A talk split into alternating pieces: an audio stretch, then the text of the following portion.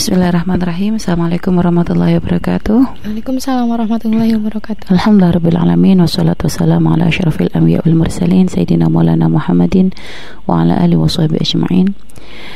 Amma ba'du. Para pendengar radioku di mana pun anda berada Yang semoga senantiasa dalam rahmat dan ridho dari Allah subhanahu wa ta'ala. Uh, Tadi pembahasan tentang masalah tukar cincin saat pertunangan ya. Iya, iya Artinya itu memang suatu tradisi yang memang tidak ada di dalam syariat Islam artinya tidak ada kewajiban untuk hal-hal seperti itu hmm. akan tetapi kita tidak bisa mengatakan bahwa itu sesuatu yang terlarang juga karena memberikan hadiah itu ya adalah suatu hal yang dianjurkan kan gitu hmm. akan tetapi itu kan sebenarnya sebenarnya maknanya tukar cincin itu adalah seperti pemberian hadiah dari calon uh, mempelai laki-laki kepada calon mempelai perempuan kan gitu ya. Artinya dalam Islam memberikan hadiah kepada bahkan tidak ada hubungan begitu memberikan hadiah adalah satu hal yang baik. Akan tetapi ada aturan-aturan kan gitu. Hmm. ada aturan-aturan yang tidak boleh dilanggar. Dalam memberikan hadiah pun ya begitu Memberikan hadiah bukan suatu hal yang salah, tapi jika diniatkan dengan cara diniatkan dengan uh, niat yang tidak baik pun bisa menjadi cara, salah gitu loh. Walaupun aslinya tahadu tahabu. Berikan hadiah maka akan muncul saling uh, rasa cinta. Ini kan memang yang dianjurkan oleh kekasih kita Nabi Muhammad Shallallahu Alaihi Wasallam. Suatu hal yang baik. Tapi terkadang orang salah di dalam mengambil makna ini. Memberikan hadiah tujuannya itu tadi kepada orang yang belum halal. Misalnya kepada apa ya kepada teman dengan niat-niat tertentu gitu ya. Tujuannya adalah untuk ya mengambil hati, cari perhatian dan sebagainya. Lah ini niat yang salah ini akan menjadikan pahala pun akan hilang karena memang niatnya adalah bukan karena Allah, tapi hmm. tujuannya hmm. adalah untuk mendapat balasan kan gitu ya. Hmm. Dalam masalah pertunangan karena memang ini ada suatu tradisi ya, bukan tradisi Islam, akan tetapi bukan suatu hal yang terlarang. Hmm. Akan tapi harus diperhatikan beberapa hal di dalam masalah pemberian cincin, cincin. ini. Jadi yang pertama adalah memberikan hadiah calon mempelai laki kepada perempuan adalah diperkenankan. Akan tetapi gitu ya hal-hal yang harus diperhatikan jangan sampai ini menjadi suatu hal yang diwajibkan gitu ya mewajibkan memberatkan. Karena ibaratnya pernikahan itu adalah suatu hal yang mulia jangan diberatkan dengan banyak aturan-aturan yang seperti itu. Karena menjadikan orang mau nikah takut. Akhirnya yeah. membuka pintu halal menjadi susah. susah. Padahal pernikahan adalah membuka pintu halal dan menutup pintu haram. Tapi kalau sudah terlalu banyak tetek bengek yang diwajibkan dari sebelum menikah ini bisa menjadikan orang batal nikah. Mau nikah padahal keinginan untuk menikah sudah ada Artinya sudah ada keinginan kuat untuk memasuki pintu tersebut, akan tetapi karena terlalu banyak aturan-aturan, terlalu banyak e, permintaan dan sebagainya, maka itu kadarnya menjadikan mundur. Akhirnya nanti gara-gara nggak ketemu yang halal, khawatir menjadi dia apa menyebabkan dia masuk masuk kepada yang yang haram, haram. kan gitu. Naudzubillah. Karena sekarang ada kadang beberapa orang yang begitu sebagian bagi beberapa orang sebagian orang tua gitu ya yang kadang terlalu memperbanyak mempersulit memperbanyak syarat ketika anak putra putrinya itu akan menikah gitu loh. Jadi pernah kita suatu hari ada seorang uh, sahabat gitu ya atau anak ya teman deket ya dari Buya juga gitu ya pengen nikah gitu kan terus uh, akan tetapi ketika akan menikah itu masih belum menikah masih masih mau menikah tiba-tiba ternyata persyaratan dari pihak wanita banyak banget iya. minta ini itu itu dan sebagainya oh, kalau gini ya ini belum nikah saja sudah banyak tuntutan mm-hmm. kalau nikah gimana gitu kan artinya akan semakin berat lagi nantinya gitu loh mm. uh, sehingga akhirnya udahlah mending batal aja kayak perempuan juga tidak satu kan gitu iya, iya. jadi bagi para kaum pria gitu ya jika ternyata kok anda ingin memilih seorang wanita untuk dijadikan seorang istri tapi ternyata kok ribet banget. Dalam urusan pernikahan tuntutan mungkin harus cincin emas iya. harus ini harus lemari harus isi kamar komplit. Misalnya begitu ya. Harus ah semacam-macam pokoknya. Maka ya sudah tinggalkan. Karena nggak ada baiknya gitu. Bahkan waktu itu teman tuh sebenarnya bukan tidak mampu. Dia mampu untuk memenuhi. Mm-hmm. tapi ini bukan masalah mampu tidak mampu gitu loh. Hanya kalau dari awal saja sudah berani menuntut dengan begitu banyaknya khawatir nanti di saat sudah menikah akhirnya kita akan lebih banyak lagi tuntutan karena lebih merasa memiliki kan begitu. Akhirnya sulit nanti untuk berbuat baik. Iya, ketika menikah sulit untuk berbuat baik artinya pengen sodako sama istrinya dituntutnya beda untuk beli emas lagi. Mm-hmm. pengen ini berbuat ber, berjuang lagi untuk ini dituntutnya beda lagi. Jadi akhirnya akan memberatkan itu. Mm-hmm. makanya itu jadi jangan-jangan dianggap remeh hal seperti itu. Walaupun seandainya kita sudah siap uang atau apa pun akan tetapi tuntutan-tuntutan yang seperti itu bukan suatu hal yang yang yang yang yang baik lah gitu ya. Makanya kaum pria pun jangan jangan mau ibaratnya Anda ketika melihat kok sudah seperti itu maka jadikan pertimbangan untuk melangkah lebih jauh. Sedangkan kaum wanita jangan dipersulit. Hmm. Iya, wanita dari pihak wanita jangan persulit. Kita Siti Fatimah wanita yang paling paling baik tidak ada yang bisa mengalahkan. Hmm. Tapi kita melihat apakah Rasulullah menuntut banyak kepada Imam Ali? Bahkan Imam Ali menikah tanpa modal apa pun. Ayo kita belajar dari beliau. Ya, kita ini siapa? Apanya Siti Fatimah? Seberapa banyak? Seberapa bagus ibadah kita dibanding Siti Fatimah? Seberapa dekat hubungan kita dengan Allah dibanding Siti Fatimah? Lah, sadar diri dong, kita punya banyak kekurangan gitu loh. Jangan katakan ya Siti Fatimah kan zamannya lain Loh nggak bisa masalah kemuliaan ini nggak bisa Ini sepanjang zaman seandainya Siti Fatimah terlahir di zaman ini pun dia akan tetap beliau adalah seorang wanita yang paling nggak akan bisa mengurangi kemuliaannya karena memang beliau sudah dipilih oleh Allah. Jadi jangan jangan jangan direndahkan dengan wah zamannya beda nggak bisa seandainya Nabi pun ibarat akan akan uh, seandainya Nabi pun uh, ibaratnya menikahkan Siti Fatimah di zaman ini pun adalah dengan tetap dengan cara yang sama. Karena syariat itu tidak berubah. Dan Nabi memang ingin mengajarkan kesederhanaan.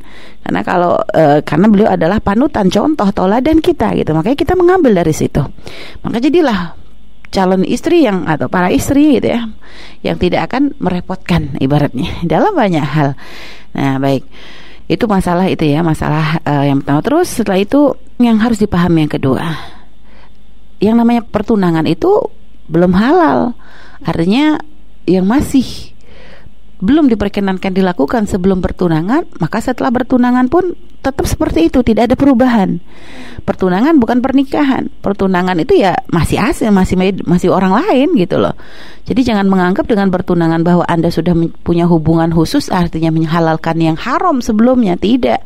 Selagi masih belum menikah, maka Anda masih haram, masih di hubungan Anda adalah hubungan yang belum belum halal. Artinya semua hal yang diharamkan sebelum Anda bertunangan di saat bertunangan tetap haram. Berduaan haram, ya. Hmm. Berduaan haram. Setelah itu apalagi nggak boleh melihat aurat dari pasangan, gitu ya. Terus berpegangan pun haram. Nah, ini maksudnya masa pembahasannya ada masa tukar cincin, yeah. gitu ya. Jadi berpegangan, berduaan, melihat aurat itu semua masih satu hal yang diharamkan. Jadi jangan dilagar itu semua. Nah, itu ya. Karena ada sebagian orang salah kaprah menganggap pertunangan udah kayak menikah. Sehingga setelah bertunangan tuh merasa bebas, akhirnya kadang orang tua pun menjadi menjadi orang tua yang bodoh yang awalnya anak dijaga ketat, giliran sudah tunangan anak dikasihin. Anak diberikan Artinya dibebaskan dengan tunangannya. Pikir tunangan siapa? Belum, belum hmm. suami itu. Makanya yeah. jangan sampai salah paham, haram. Dan kadang orang banyak terpeleset di sini menganggap sudah tunangannya. Akhirnya hmm. perkenankan keluar malam, ini semuanya. Yang sampai tidak sedikit yang sampai akhirnya terjadi perzinahan dalam pertunangan. Hmm. Merasa kayak kayak sudah sudah pasti menjadi siapa yang bisa memastikan?